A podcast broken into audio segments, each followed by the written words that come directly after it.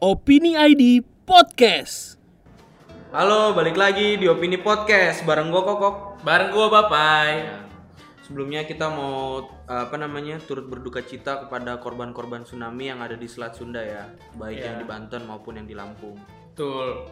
Kita juga dari opini berbela, ikut berbela sungkawa ya kan atas korban eh, yang kemarin eh, tertimpa musibah ini gitu ya. Tapi awalnya itu nggak dikira tsunami loh, dikira gelombang besar ya kan.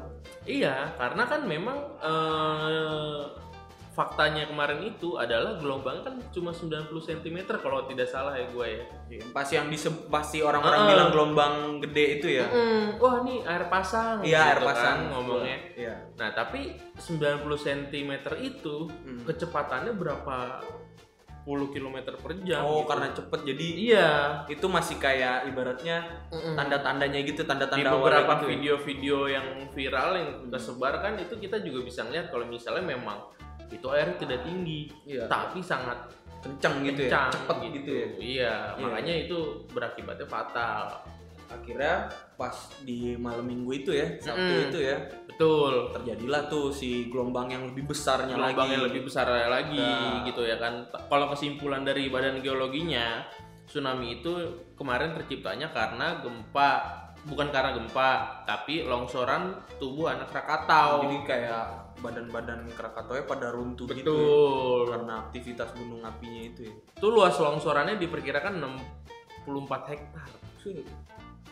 Gede banget. gede tuh ya Makanya kalau sempat ada video yang beredar dari apa eh, pandangan mata dari Susi Air kalau nggak salah gue lihat tuh memang eh, sangat besar ledakannya gitu maksudnya. kayak lu ngelempar batu batu gamping itu Mm-mm. kan yang datar dar Iya gitu. Nah itu yang nyebabin gelombangnya itu ya itu dan deras banget gitu ya kan. Oh, iya. Istilah kalau istilah ininya nih flank collapse namanya. iya Terpantau dari kita satelit milik Lapan. Hmm. kemarin tuh ya kan? 8 tuh lembaga penerbangan dan antariksa nasional. 22 Desember atau sebelum insiden tsunami memang ada erupsi namun tidak sebabkan tsunami. Hmm. tapi melontarkan material gunung dan sebagian jatuh ke lereng. Terjadi sejak Juli 2018 udah lama tuh ya. udah lama memang anak Krakatau ini. Terus lama-lama nyebab karena musim hujan jadi agak-agak longsor gitu ya. Jadi iya runtuh aja gitu badannya. Dar langsung ke laut kan.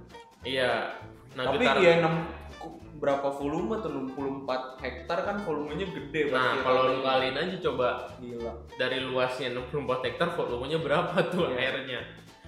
Selain itu gerak getaran tubuh gunung ketika erupsi ikut menjadi penyebab longsor. Sejauh ini badan geologi masih menghitung volume dari Nah, kan? itu tuh Iya emang lagi Masih masih dihitung, dihitung gitu. Tapi data terbaru BMKG itu kemarin jumlah korban meninggalnya 222 orang, 843 luka dan 28 orang masih hilang. Hmm. itu dat masih data sementara ya Iya gitu. Kemarin juga ada dari apa eh, eh, musisi eh, band Seventeen yang menjadi oh iya, korban sedih gitu kan. Eh, pada saat Iya. memang ada acara kan di situ Iya, iya. karena apa eh, lagi high season gitu kan liburan Natal gitu. Iya, ya kan. banyak banget apa yang namanya band apa man personil band juga ya katanya ada Iya yang jadi korban. elemen terus gue tadi lihat di sosmed vokalisnya Jamrut juga yang drummer elemen tuh gini drummer elemen itu dia mengkonfirmasi bahwa seharusnya yang manggung itu elemen oh gitu tetapi tidak jadi itu eh, Didi Riyadi drummer elemen itu yang ngomong kayak gitu. Jadi digantikan Seventeen. Gitu. Ya kita juga turut berbela sungkawa ya atas korban dari apa eh, musisi kita eh, Indonesia band Seventeen gitu kan. Ya intinya sih kalau menurut gua kita bisa terus belajar lah atas insiden Iya. yang kayak gini gitu ya kan. Soalnya uh, ya kayak berkaca dari insiden tsunami di Palu Donggala juga ya iya itu betul kan banyak korban karena mitigasi Sebenarnya kan kurang rapi.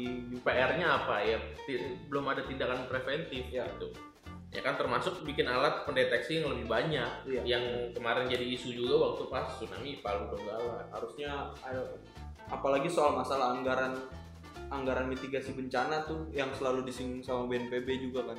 Betul. Nggak BNPB doang sih semua semua pihak juga. Betul. Stakeholder stakeholder Stakeholder, terkait lah. Iya. ya dan Pokoknya- juga eh, menurut concern yang menurut gua penting juga ya urgent juga adalah itu eh, orang-orang yang wisata tidak ingat jalur evakuasi tidak tahu bahkan gitu ya kan Iya. jalur evakuasi kadang kita emang bodo amat sih Bener. kalau kayak gitu-gituan ya Tap, makanya kan sebodoh amat bodoh amatnya lu tapi kalau informasinya ada di setiap lu Iya. jalan ke mana ya lu pasti tahu sodorin terus ya disodorin terus gitu ya kan Kayak mungkin eh, pengelola resort atau apa eh, dinas pariwisata di tempat-tempat wisata bisa ngasih warning gitu Iya. atau ngasih informasi yang lebih jelas kalau misalnya ini jalur evakuasi ke mana Iya. larinya ke mana karena kan kalau misalnya bencana gitu ya kan kayak yang kita lihat videonya mereka tuh lari tapi mereka nggak tahu mau ke mana arahnya ke mana, Arahnya ke mana panik gitu. panik jalur evakuasi ke mana banyak banget tuh video viral ya semuanya panik kayak Semuanya larinya panik. ke mana-mana gitu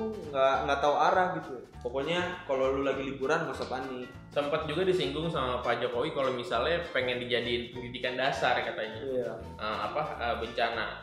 Menurut gue itu perlu nggak perlu, tapi memang eh, urgensinya ada gitu. iya Karena apa? Kita tuh Indonesia tuh rawan bencana memang. Iya benar Senegara kita ini, Ring of gitu. fire Ring of fire gitu ya kan. tapi gua kalau lu lagi liburan jangan usah panik yang penting mulai-mulai sekarang nih lu mulai ingat jalur evakuasi tuh lu perhatiin biasanya tuh di hotel-hotel udah ada tuh Ya. resort-resort ya jalur Hmm, evakuasi biasanya di parkiran. biasanya tempat- warnanya oranye Ya, Ya kan gitu jalur ya kan. tsunami ke sini gitu kan Heeh. jalur evakuasi tsunami itu ada pelanggan Hmm. gitu kan. Nah, kedua lu pantau tuh daerah-daerah sekitar ya kan? Pantai di mana gunungnya di mana atau bukit Betul. daerah tingginya ya kan? Betul.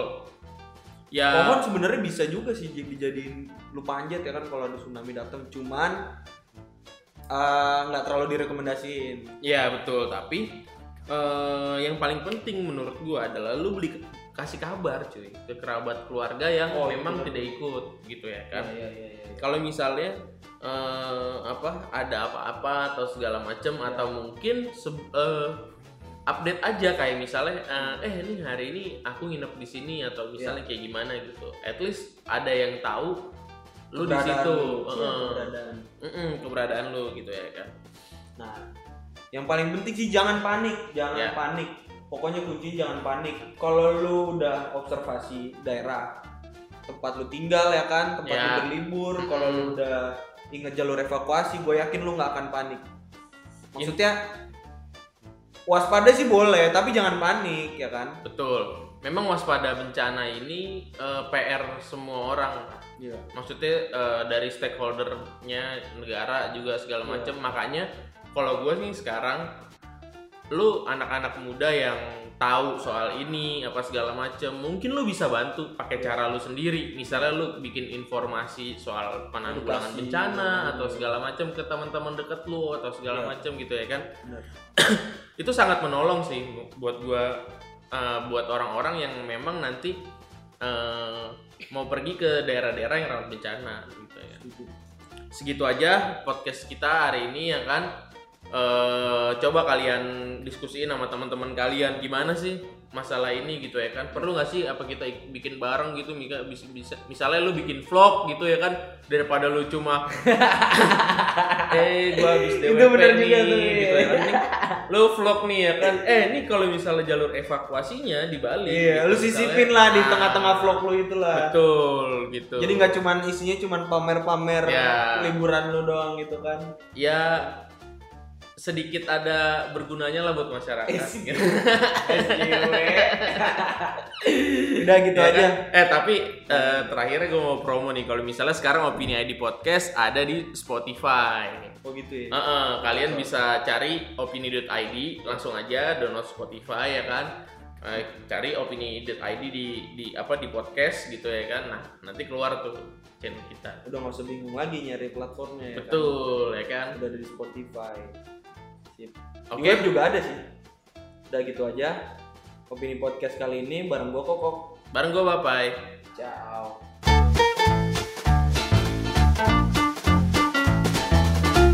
Opini ID Podcast.